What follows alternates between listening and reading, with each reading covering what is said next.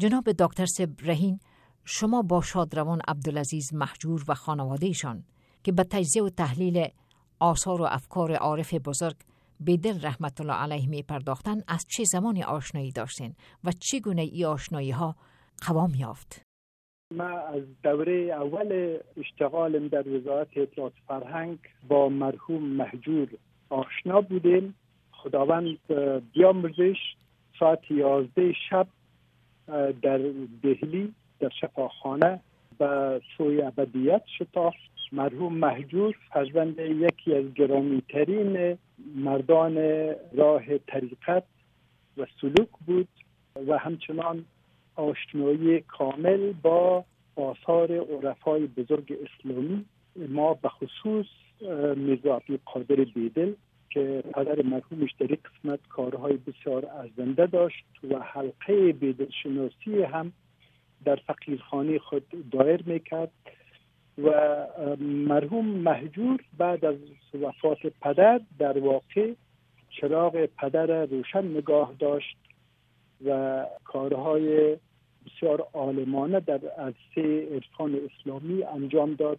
ما وقتی در دهلی سفیر بودم دعوتش کردم به سیمینار شخصیت بزرگ عرفانی و تصوفی افغانستان که شب قاره هندوستان با نور تعالیم خود روشن کرد یعنی حضرت خواجه الدین چشتی.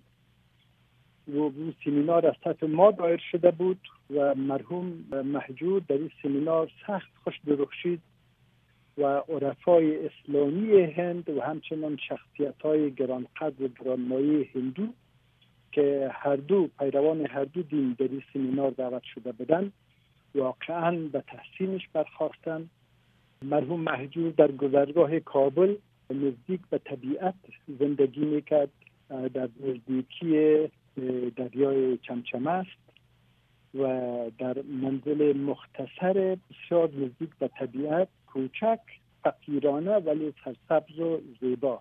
و در اونجا با دوستان همدل صحبت های درباره سلوک و مقام ها و مراتب معنوی برگزار می‌کرد و همچنان به تحلیل و تجزیه افکار و آثار عارف بزرگ شب قاره هندوستان که فرزند بزرگ فرهنگ ملت ماست یعنی حضرت میرزا عبدالقادر بیدل و حل دشواری های کلام او مرد بزرگ.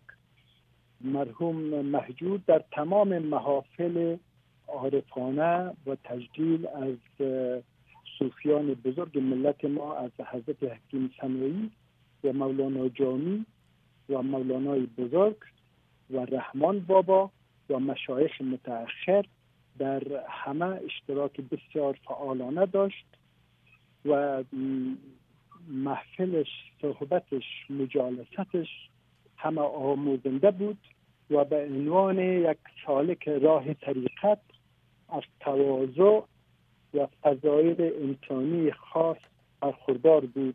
به این سبب بین قشره های مختلف جامعه مخصوصا شخصیت درویشانش محبوب و دوست داشتنی بود. خداوند بیامرزش روح شاد باد. به آسانی ممکن نیست که جایش در جامعه که مدت های دراز است که از فضایل عرفانی آری شده یک بار دیگه محجور بروه همچنان که قندی آقا نوید و همچنان که مشایخ بزرگوار متواضع پرفضیلت دوران اخیر ما هیچ کدام نماندن و پر کردن جایشان با آسانی میسر نیست. به خصوص در آشفتگی زندگانی دوره که با آشوبش زندگی می‌کنیم. دکتر سبرهین تشکر از شما. امید است که ای آشفتگی ها زود گذر باشه صحبت خود با ای بیت به پایان میرسانیم. از شمار دو چشم یک تن کم و شمار خرد هزاران بیش.